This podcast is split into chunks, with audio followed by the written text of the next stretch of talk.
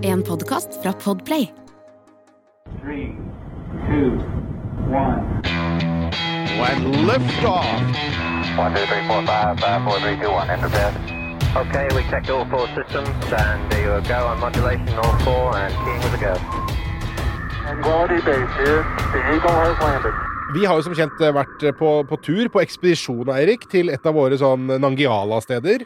Absolutt. Dette er jo noe vi har ønsket oss veldig lenge. Og, og nå hadde det seg sånn da, at vi faktisk altså eh, Vi ha- har jo egentlig hatt lyst til å besøke rakettskytefeltet på Oksebåsen før, men nå var det jo så perfekt uh, tima at vi faktisk også da får besøkt eh, den nye paden. Ikke sant? Eh, Vi, eh, vi, da må vi jo bare Vi har gjort det før, vi må gjøre det igjen. Tusen hjertelig takk til eh, alle dere som har kjøpt T-skjorter, kopper, handlenett, som gjorde den turen rett og slett økonomisk mulig for Romkapsel. Så hjertelig tusen takk til alle sammen, og også til dere som har gitt oss frivillig lytterlisens på, på Vips. Romkapsel, Newt og Halvorsen. Eh, Ja, hint, hint. og, og nå, nå ser dere jo altså det dere hører på nå, er da direkte resultat av det. Og så selvfølgelig også takk til Andøya Space, som velvillig betalte for flybilletter. Ja, tusen takk for det. Eh, og vi kom jo opp der, eh, fikk gjort eh, flere fine intervjuer. Eh, og så var det da liksom den store dagen, torsdag 2. november. Så ble det hele åpnet høytidelig av kronprinsen. Vi hadde selvfølgelig ikke tatt på oss slips og dress, eh, så der var vi. Ja, men det var litt morsomt, da. For da, når vi da kommer dit, så ser jeg plutselig Altså, det var veldig høy eh, slips og dress og bunadfaktor. Og man følte seg da veldig sånn underdressed. Det, var det, jo, det, var liksom, det hadde ingen sagt til oss. Men så fikk jo jeg da mitt livs første pressekort. Eh, og så så jeg plutselig at det var litt annerledes med pressen.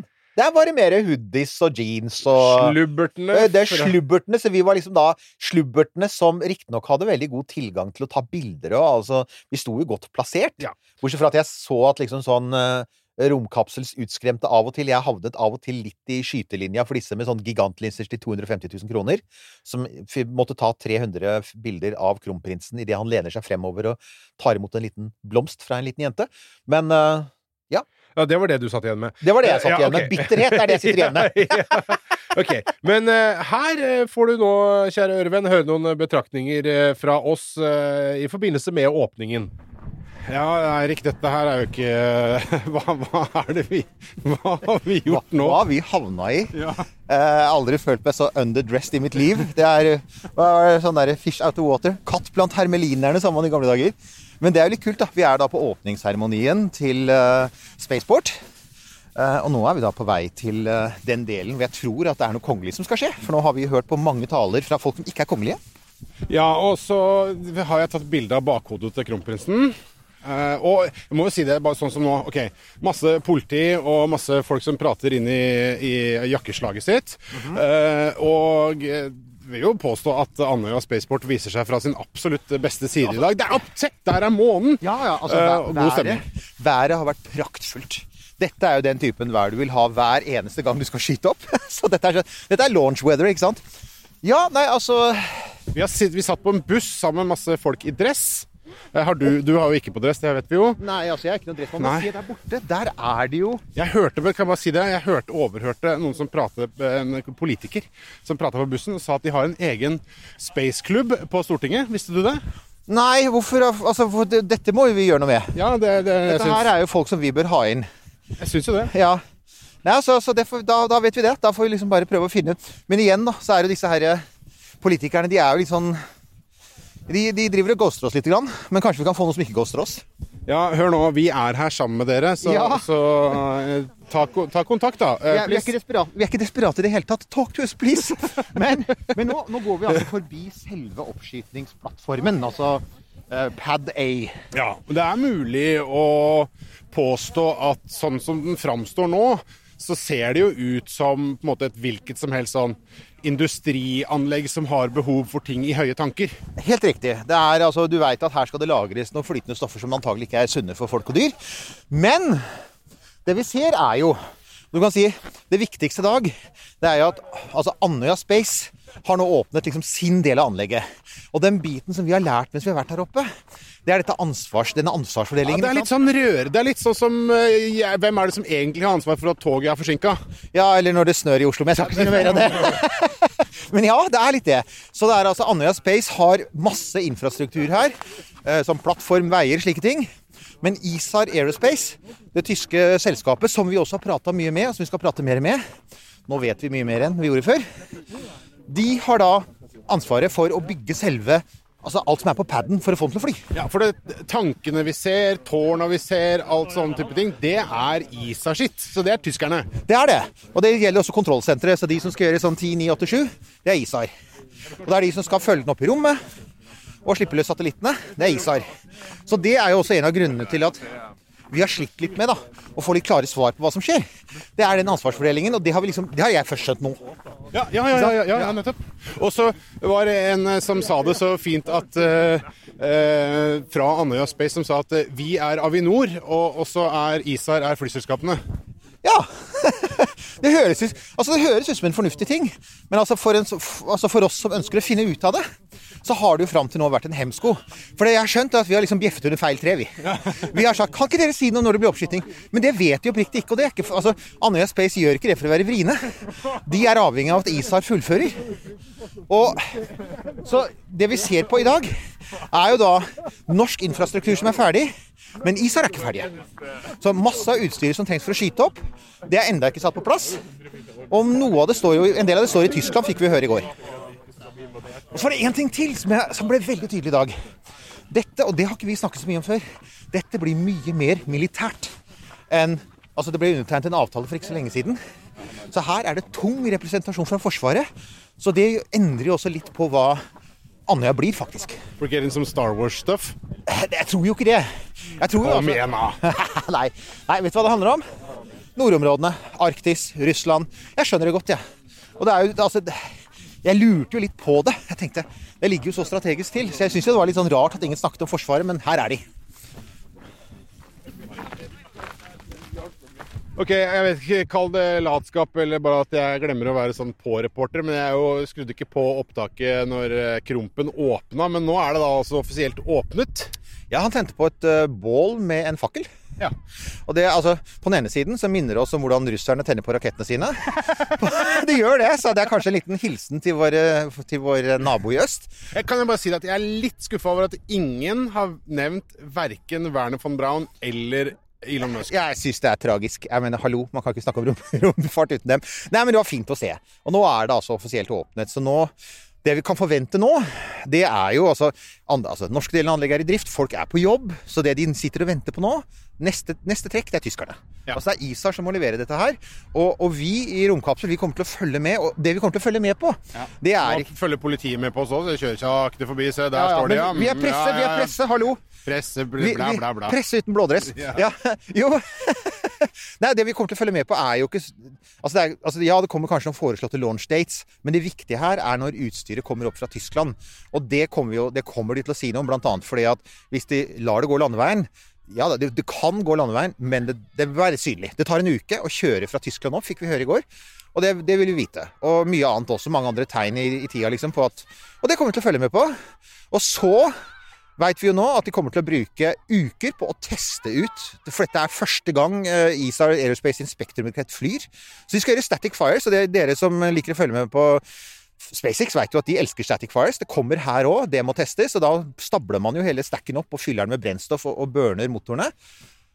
Og det kommer de sikkert til å holde på med noen uker. Og så på et eller annet tidspunkt, en eller annen gang utpå nyåret, så kommer noen da nede i Tyskland til å si let's go. Eller hva er det de sier på tysk? Eh, Jetzt gehen wir. Jetzt gehen wir! Ja, eller annet nå gjette, jeg. 1202. Der var vi jo uh, veldig sånn uh, fisk, uh, fisk på land.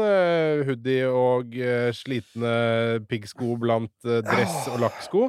ja. Men, men, men jeg må si det, det var veldig, jeg må si det var veldig hyggelig å bli invitert. Jeg, jeg setter pris på at de hva skal man si, viktige i, i norsk romfart tenker på oss.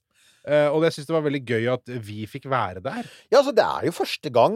Altså, jeg har jo av og til fått med meg at det er enkelte som tror at vi på et eller annet vis representerer en eller annen form for slags Oslo-elite. Altså, vi blir aldri invitert på sånne ting. Uh, og det, jeg syns jo det var eh, Så jeg syns det var gøy. Det var først, altså, jeg har aldri sett kronprinsen på nært hold. Jeg vet ikke åssen det er med deg. Vi, jeg så det var en som spurte oss. Det var egentlig et godt spørsmål. Han sa ja, fikk dere spurt han om noe? Jeg kan si at dette var gjennomregissert, altså. Det kan Ja. jeg si. Og det skjønner jeg. Han, han, han har tett program, og han var liksom sånn rett inn, og så så jeg at han jobba seg gjennom uh, forsamlingen og tok folk i hånda. Og så så jeg også det som jeg ble gjort oppmerksom på av uh, en vi møtte der oppe, uh, Linda. eh, journalisten som inviterte oss på fiskemiddag. Det var jo koselig, det. det Ja, ja, takk til Linda og og, og Dag. Dag var det vel, ja. Ja, Veldig hyggelig. Ekte nordnorsk gjestfrihet. Det var vel hun som sa noe om dette med at legg merke til blikket til kronprinsen, og det er helt sant.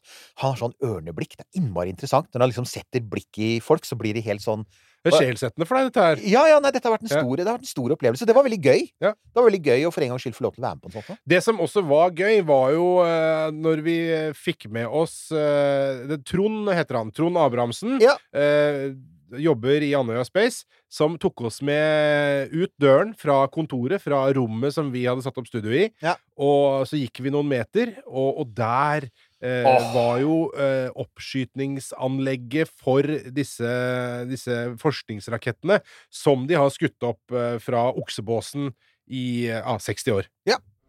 Jeg sa idet vi gikk inn døra her at jeg får litt sånn smøregrav på verksted-feeling. Men eh, hva, hvor er vi er nå, Eirik? Du, nå er vi altså i en eh, overdekket bygning som huser en lang skinne som brukes til å guide disse her rakettene som skytes opp fra oksebåsen, opp imot f.eks. nordlys. Og den skinna er massiv. Altså, hvor lang er den egentlig?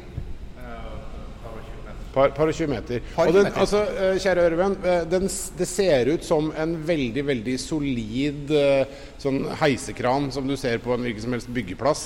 Eh, bare at den her er hakket mer svidd. Ja, ikke bare det, men altså det som fikk meg i stad til å utbryte hydraulikk, Nils Johan, det er hydraulikk, det er at det er noen vanvittig sånn hydrauliske deler. Der hører du den akademiske Oslo-mannen uttale seg om ting han ikke kan. Men- Stempler. Stempler. De sitter altså helt i den ene enden av skinna, og det er de som da løfter hele denne lange metalldelen opp. Så du kan si at det er jo ikke akkurat så veldig mye sånn kraftarm her. Vi snakker om svære krefter. Og så er det altså raketter på altså opp til var det 7,5 tonn? Ja, ja, vi kan skifte terreng, men eh, 7,5 tonn. 7,5 tonn. Pluss den her armen, da. pluss den der armen. Og så er det dette her med at det er sånn, som de så pent sier her, fire and forget. Det høres veldig pent ut, men det betyr at du må, du må virkelig vite hva du sikter på, og at du omtrent kommer til å treffe deg, for du har ingen sjanse til å korrigere kursen underveis. Så dette her er kult, altså.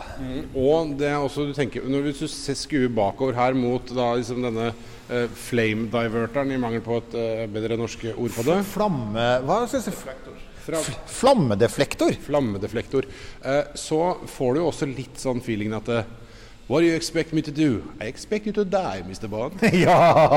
ja, man ser faktisk for seg sånn Sean Connery spent fast på den der med, mens den sånn teller ned med sånne veldig store røde bokstaver. Eh, store røde tall. Nei, men altså, dette her er jo altså, Poenget er jo at dette her er et praktisk anlegg som har bidratt til altså, hundrevis av oppskytinger opp gjennom åra. Og det har vel aldri noensinne gått galt her, har det vel? Så vi snakker, altså, vi snakker om 100% suksessrate her inne. Jeg antar at hvis det hadde gått galt, så har det mulig at vi hadde sett spor etter. For det er, det store krefter. Se på, se, på, se på veggene her, Eirik. Tror du ikke at eh, en sånn CSI vil mene noe om disse sporene som Jo, eh, Har du prøvd å ta på veggene her, så kjenner du med en gang. At er- ja, mm. Å, yes! Ja. Ah, jeg, jeg, jeg syns det lukter nyttårsaften. Sorry, jeg syns det. er Mulig det er feil, det er mulig det er psykologi, men det lukter nyttårsaften. ja. Nei, dette er fantastisk. Dette er utrolig gøy. Uh, og dette her er jo anlegg som fremdeles er i drift. Så de fortsetter jo å skyte opp, som vi jo snakker om i vår episode med Kolbjørn. Eh, dette er ikke noe de har tenkt å holde opp med. Så litt sånn avhengig av når du hører dette, Ørven, så har det nettopp, eller skal veldig snart, skytes opp en rakett akkurat herfra. Som skal se på disse her lysende nattskyene, som er uh... Lysende nattskyer. Ja, de er så fine. Det høres de ut som en sånn uh, designer-drug fra Sør-Korea. Ja, altså er litt sånn, nei, men det er litt sånn, sånn stygg hemmelighet er jo at uh, dette er en av de få tingene du kan se på nattehimmelen som faktisk er bedre å se fra Sør-Norge enn Nord-Norge. For de har fått alt det kule med nordlys og alt dette her. Men uh, lysende nattskyer, det er noe vi kan nyte fra, fra Sør-Norge. Det var gøy å se. Det var veldig gøy å se. Det er gøy å se også fordi at altså, mye av det er sånn det er skikkelig sånn basic teknologi, ikke sant? Det er, det er stål, det er svære sveisa konstruksjoner, og det er jo noe hydraulikk i den ene enden. Altså dette her Du var veldig fascinert av det. Ja, men jeg, jeg er det. Det var noen hydrauliske stempler her som jeg tenker Ja, altså, jeg har jo sett svær hydraulikk før, men aldri noe på den skalaen der. Eh, og dette med at du har hele bygninger som kan rulles bort, det er eh, Ja, det er kult å se. Det, og det var noe, som jeg også sa, at det er noe bånsk over det derre eh, Den derre smøregrava, eh, som det så ut som. Også med dette herre sot Altså greier ja, ja, ja. som var langs med veggene der. Det var, vi, vi legger ut noen bilder. eh, så Vi skal det, altså. Det er fascinerende. eh, savnet eh, definitivt bare en fyr med en hvit katt på fanget. Så, så er liksom sånn som, som, For at det ser, jo, det ser jo nesten ut som en sånn romkanon. Og det er jo som eh, Railgun. Ja, som, som railgun. Og det er jo ikke så rart, for det er jo altså disse mm, rakettene som var skutt opp da fra oksebåsen, de er jo ikke sånn med noe avansert styring. Altså Der peker du raketten i riktig retning, og så håper du på at du har regna ut, som du vil få høre når vi prater om dette her, i den, det intervjuet vi har med Kolbjørn, som er ansvarlig for det, så får du høre at Det kommer om noen uker. Det Kommer det gleder noen det. Ja, veldig kult. For da får du høre akkurat at du sikter på noe kult på himmelen, sånn nordlysutbrudd, og så, og så fyrer du av gårde, og så satser du på at det går bra. Så det er jo på en måte en romkanon, da. Det er litt kult, da. 1202. Og så eh, er det en ting som Og for meg som Jeg blir jo fort gira av eh, duppeditter, ting som ser teknisk avanserte og kult ut, med alt mulig eh, ting, lys som blinker, datamaskiner som sier bibli-bup, osv. Så. Sånne ting syns jo jeg Jeg elsker det. Mm. Eh, men så er det jo sånn at en moderne rakettoppskytning ser eh, ikke så sånn ut. Eh, det er mindre ting som sier bubli-bli-blipp, og det er, det, det er en rakett. Eh, men det som er, ligger bak å få dette her til, er forberedelser, forberedelser og forberedelser og planlegging og, og sånne ting som umiddelbart høres litt sånn kjedelig ut.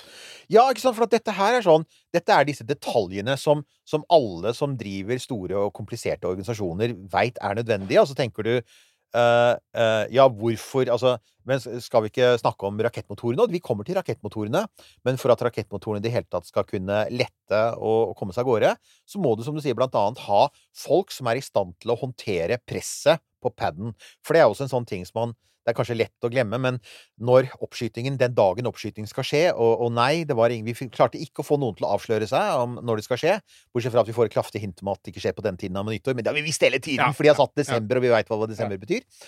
Så, så, så ja, det der med at da skal så mye konsentreres i dette her, det, altså for å få til nedtellingen, så er det så mange ting som skal skje samtidig. Det er et sånn stort maskineri. Og det maskineri, maskineriet er hovedsakelig mennesker. Det er mennesker som skal gjøre akkurat de riktige tingene til riktig tidspunkt. Liksom igjen fra å koble på brennstoff og få det pumpa over, og få kobla på ledninger og, og sørge for at alt fungerer. Det er massevis av sånn derre Igjen detaljert arbeid som alle må gjøre helt riktig, ellers får du en scrub, og en scrub er dyrt.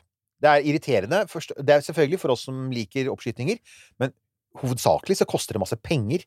Både for Andøya Space og for ISAR. Så ja, den treninga er viktig. Og der eh, snakker Altså, det er, det er veldig mange som har heter sånn Operations Director eller Director Ja, det var det. et Det var liksom Veldig mye sånne, sånne ting der. Eh, men eh, Fredrik Pedersen, han er da altså Director of Launch Operations. Ja. Høres kult ut. Eller operasjonsleder, som han eh, oversetter det til.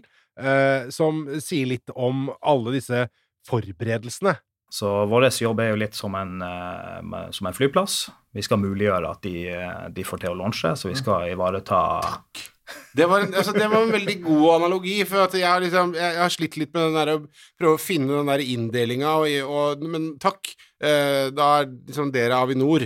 Ja, Ja, i stor grad. Jo. Men altså, og, og eh, vi har jo hørt flere ganger eh, nå at dette Altså, man skal forberede ting. det skal forberedes. Eh, hva er det som skal gjøres helt konkret før eh, kunden, da, som kommer med raketten og har forberedt den, og gjør den klar til oppskyting, hva er det som skal forberedes på en eh, romhavn før man kan skyte opp en rakett? Ja, alle systemene skal jo gå gjennom eh, ganske mye testing i forkant. En del av systemene eh, skal deployeres ut til Nordmelle, altså flyttes dit. for at de brukes i øvrige forretningsområder i konsernet.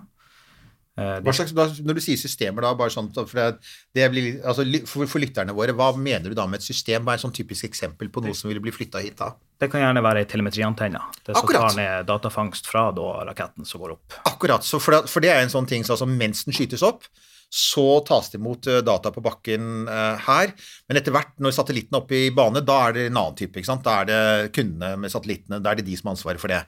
Men det er et sånt tidsrom her fra oppskyting og opp til bane, hvor det skal tas imot en del telemetri på bakken, er det sånn der? Det stemmer, og det er vår instrumentering som ivaretar det. Så det er jo en stor del av den testinga der, er jo at, eh, at vi tester de systemene, at de fungerer sånn som de skal. Mm. Vi skal også trene. eh, Vi skal trene på de spesifikke scenarioene. Operatørene skal ha god trening og være trygge i rollene sine. Og så vil det jo da, altså, du, altså på oppskytingsdagen så vil det jo da også være Altså du har en rakett som har vært testet. Ikke sant? Da har man, man har vel gjort noen statiske tester av motorene for å være sikker på at de funker. Og så plasseres den opp, og så fylles den med brennstoff. Og jeg antar at dere er med og monitorerer det, er dere ikke det? Altså, altså for dette er jo også et sånn sikkerhetsaspekt, altså at man skal sørge for at når du fyller masse propan og oksygen på et ja, 28 meter høyt tårn, så, så er det jo noen sikkerhetsaspekter. Ja, så det er jo uh, Andøya Spaceport som er ansvarlig for safetyen på det, så vi bemanner uh, oppstrommet med ulike nivå, alt etter aktiviteten. Så jo, jo farligere det egentlig er, og den aktiviteten som foregår der, jo mer bemanning setter vi på. Jo, jo farligere det er. Hva er det som avgjør en eller annen sånn eh, Defcon-stadie her? Hva er det, når er det farligst, og når er det ikke farlig i det hele tatt? Ja, Vi aktiverer jo ulike fareområder basert på det som, som foregår. Som f.eks. med fueling, så vil vi jo evakuere en, til en viss distanse for å ivareta at eh, det ikke oppholder seg folk innenfor det området når den settes i gang, den aktiviteten. Og det er jo det oppstrommet som jobber med å sikre at der ikke er folk, veien stenges og ivaretar sikkerheten. Ja, for at, så vidt jeg husker, så er det, det er jo liksom størrelsesorden noen hundre tonn med brennstoff og oksygen, er det ikke det? Det er ganske mye. Det tallene har jeg ikke i hodet Nei, på det. nei, men jeg tror det er noe sånt, så det er ganske mye. Så vi, som andre ord, uh, hvis det smeller, så smeller det kraftig. Uh, nå er det vel sjelden at det smeller direkte på oppskytingsplattformen, men samtidig så er det klart, dette er jo den første testen av en rakett som aldri har fløyet, altså den har aldri fløyet før. Og det er vel, den, de har testet motorene, det vet jeg. De, de har testet subsystemene. Men dette er vel første gang at den faktisk stackes opp, og alt bare Altså, ja. Så det blir jo interessant. interessant. Men, men altså, jeg vil, jeg vil litt tilbake til disse her forberedelsene, de praktiske forberedelsene som skal gjøres, som, er, som jo er en veldig viktig del av det. For at alt skal funke, alt skal være på stell. Alt skal være Alle datalinjer skal funke, alle kabler skal gå der de går, og det skal ikke være knekk på noen slanger noe sted. Men altså, sånn, sånn rent fysisk, hva er det man gjør? Går man rundt og sjekker at alle boltene er stramma, og at alle pakningene er friske? Altså, er, er vi på det nivået der? Ja, vi har jo det som kalles en eh, range readiness review, som vi går igjennom og sikrer at alle prosedyrer, prosesser og sjekklister er gjennomført på oppsett og konfigurasjon av utstyret. Så vil vi da gjøre fullskalatest på totaliteten da, for å sikre at dette fungerer sånn som det skal. Og da er det noen som faktisk går og, og med skralle og drar til den mutteren eh, og sjekker at den fuel-slangen ikke har morkna av, ikke sant, sånne ting. Ja, på Fuel så ligger jo det litt utafor oss, det er jo kundesida som, eh, som har den fueling-delen der. Men eh, øvrig vårt materiell har vi, eh, går vi full gjennomgang på. Ja, hver gang. Hver gang det skal være noe. For hver Ja. eh, sånn range readiness review. Ja. ja. Hvis dere da oppdager at noe ikke er som det skal, så har dere på en måte vetorett og sier at nå må vi stoppe, ikke sant? Altså sier at nei, dette, altså du gjør den, der, den range-testen, og så sier at nei, dette er ikke innafor. og da er vi nødt til å, å ta en scrub, for eksempel, ikke sant? Ja, den range readiness vil jo foregå ei, tid i forveien. Eh, så det vil jo ikke gjøres eh, Den gjøres ikke på launchdagen. Okay. Dette gjøres ei tid i forveien for at vi, vi kommer til det nivået. Men vi vil til hver tid eh, stoppe hvis ting ikke fungerer sånn som de skal. Ting som vi har behov for. Hvis det ikke funker, så vil det si at eh, det må stoppes opp, og det må utbedres, det må testes på nytt for at vi da eventuelt kan fortsette. Men hvor, hvor er nivået der for å liksom sette på bremsen? Hvor håper de lite skal til? Det er veldig lav terskel. Vi er jo, eh, vi er jo avhengig av at systemene fungerer sånn som de skal. Så er Jo, men så tenker jeg, så, så er det noen som kan Ting kan jo fungere, selv om det ikke er eh, 100 Kanskje det er på 92. Så funker det jo. Men, men er det sånn at det skal alltid være Vi skal alltid være på 100? Ja, på de safety-kritiske systemene så, så skal det selvfølgelig være på en 100% Og så har vi, eh, har vi noen såkalte go no-go-kriterier på ting som eh, vi kan fortsette med, og ting som vi ikke kan fortsette med. Ja, ok. Ja. Altså, ikke, altså dette Så kontrollrommet elsker jeg at han sier go no go. Ja, det er, det, er, det, er, det, er, det er en fantastisk ting, det der. Ja, for at det er jo også da altså, Vi skjønner jo nå at dette er jo ISAR som da får ansvaret for selve oppskytingen, ikke sant. Så de får sånn countdown, de får go no go på sine rakettsystemer på slutten, gjør de ikke det? Ja. Er det sånn at de da har, har de et eget kontrollrom? Det har jeg egentlig ikke fått med meg, men hvor sitter de igjen? Sitter de i Tyskland, eller sitter de her? De har en eh, nesten samlokalisert med oss, så er deres mission control. hvor at De har rett og slett det, ja. Men eh, vi har spurt uh, alle, vi må spørre deg også. Hvordan havna du oppi dette her? Ja, det har jo en, en bakgrunn tidligere fra luftfart. Litt ubemanna, litt bemanna, og, og helt på noen år der. Og så begynte jeg i konsernet her for en fem-seks år siden. Og jobba med, med litt forskjellig de siste årene innenfor operasjonsledelse og operasjoner eh, på andre deler av konsernet. da. Men når du sier altså, jeg ble litt luftfart tidligere, bemanna, ubemanna Nå er det sånn Du har jobba i etterretningen eller noe? du, Eller? har du det? det hørtes veldig sånn ut. Helt sivilt. Ja, Ok, nei, for jeg hørte litt sånn det, det, Jeg er litt sånn ullen på det. Hva, Ja. hva jobber du med? Det skal du bare drite i. Det Irak. Ja, ja. Men, men da ubemanna, hva, hva, har du vært, hva, hva er det, hva snakker vi om da? Litt innenfor drone, så konsernet hadde jo tidligere ei, ei droneavdeling, så der har jeg òg jobba for, eh, for en del år siden. Ok. Så Ja, det, er, det er fremdeles dronevirksomhet som foregår her, er det ikke det? ja, det, Altså, det vi, er, det. ja, vi er jo bare blitt enige om at det skal ikke vi snakke om her, for det er en romfartspod, men bare sånn at det er fremdeles sånn at vi vet Ja, men at altså, det er vi har jo droner på Mars! Vi Ja, kan jo ja, snakke det er om sant! droner! Det er relevant. Det er, det. Det er relevant. Ja, Ja. det må vi jo Men altså, du snakker om det der med at du kom inn i luftfarten, men altså, vi har igjen så har vi, bare for å gjenta meg selv, men vi får jo ofte spørsmål nettopp om det med hvordan du kommer deg inn i space med jobber, da. Eh, og, og, og hvordan, altså hvilken bakgrunn trengte du for å komme inn, hva slags utdannelse trengte du for å komme inn uh, i det du gjorde i luftfarten? Ja, det tror jeg er vanskelig å ha en fasit på, for det er jo, det er jo litt sånn Det er ikke så mange ut av disse jobbene her. Eh, Det er ikke noen ordinært utdanningsløp for å, for å treffe det.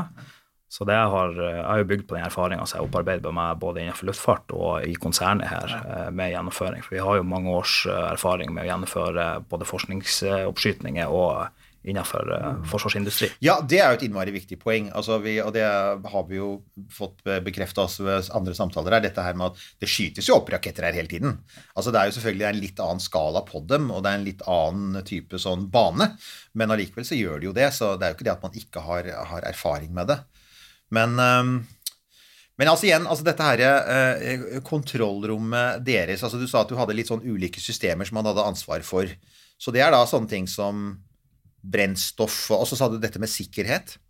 Ja, safety. Altså, ja, safety. som- og, og, og gjelder det også sånne ting som om folk kommer seg inn på anlegget? Altså, for det, jeg tenkte vi snakket om dette med at du må jo ha en sikkerhetssone rundt, rundt anlegget for, under hver oppskyting, og jeg antar at noen må holde oversikt med det. Det er, det, det er deres jobb, ikke sant? Ja, så det er et safety-aspekt. Så vi, eh, en del av de funksjonene de operatørene som sitter i det rommet, ivaretar områdeklarering både på, på land, til sjø og innenfor luftrommet. Det var eh, Fredrik Pedersen i Romkapsel, kjære Ørven, som eh, forteller om, fortalte om forberedelse, forberedelse, forberedelse, øving og planlegging og safety, safety, safety. Safety var et ord som gikk igjen eh, ganske mye, Eirik.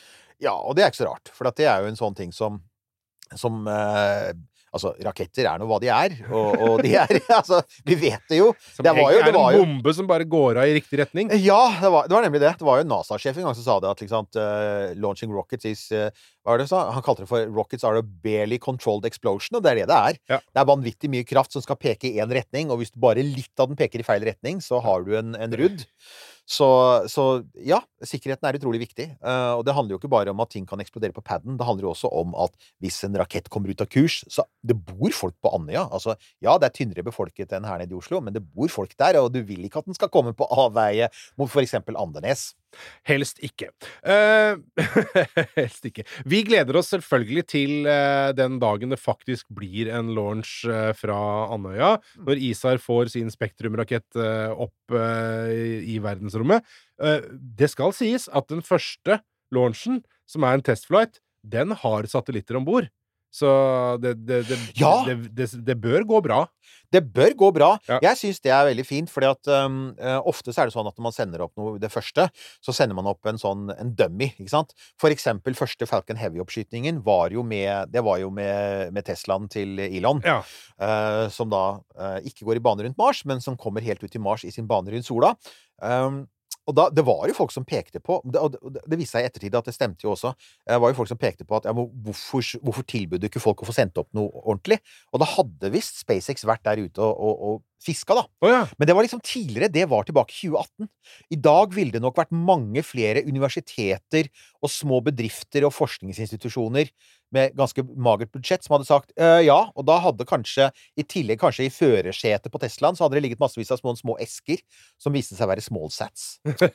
Small sats til Mars hadde jo vært så Ja. kult. Eh, og dette, alle disse tinga her sånn, eh, hva disse satellittene er, og hvorfor de er der, og sånne ting Det blir det nok noe mer om når det nærmer seg. Ja, vi, det skal vi komme tilbake til, for vi, vi har liksom satt litt sånn hjul i bevegelse. De var jo fryktelig opptatte eh, mens vi var der oppe, disse Ja. tyskerne i ISAR, eh, som faktisk eh, står for rakettoppskytingen. Men vi, vi fikk prata litt sånn eh, på bakrommet på siden der med eh, Joseph Fleischmann. Josef Fleischmann. Ja. Eh, Chief Operating Officer, er det det COO står for? Ja.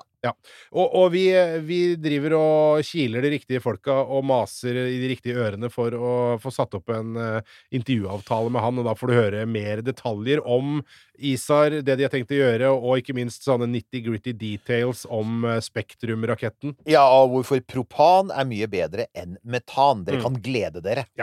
Eh, det var det for denne Andøya-dosen.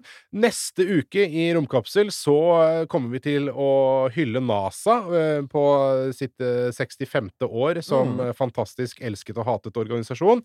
Eh, men det blir mere Andøya eh, fra Romkapsel i eh, ukene som følger, altså. Det gjør det jo. altså både, altså En ting er at vi gjorde mange opptak der oppe, men dessuten så sitter vi nå altså Vi forbereder nye samtaler med ISAR. Og så går vi jo da alle og venter på at denne launchen skal komme. Den kommer nok i løpet av denne våren. Da eh, håper vi at vi sitter på et fly opp der og får eh, overvære i en eller annen sånn gapahuk som vi har fått eh, Ja! informasjon om. Ja, Vi har allerede fått Ja. tilbud om den første Ja. gapahuken. Altså, Folk på Andøya, dere er kule. Det er sånn Jeg vil dere ha mat? Kom til oss, ikke Ja, sant? ja, vil dere ha gapahuk? Kom til oss. Bare kom til oss. Vi har gapahuk og mat. Dette er bra. En plass jeg liker. Veldig bra. Tusen takk til, til Andøya. Altså, det er topp stemning. Vi gleder oss til å snart komme tilbake. Eh, tusen takk, kjære Ørven, eh, for at du henger eh, med oss på våre eskapader. Vi er selvfølgelig på Facebook som vanlig. Romkapsel.no. Der eh, håper jeg at du går inn og kjøper en T-skjorte, eller to eller tre, Ja. og en kopp og et handlenett. Husk at bæreposene er fryktelig dyre. Og ikke bli veldig skremt om du da ser at «Oi, men tidligere var det lyst, og nå er det mørkt, og vi har redesigna litt. Det er vi driver og jobber med å beefe den litt opp. For den siden vår den har hatt sørgelig lite omtanke de siste par årene. Vi har vært mer opptatt av å produsere lyd. Så eh, du kan også se fram til at du kanskje kan se litt mer kule ting der etter hvert. Du har hørt en podkast fra Podplay. En enklere måte å høre podkast på. Last ned appen Podplay, eller se podplay.no.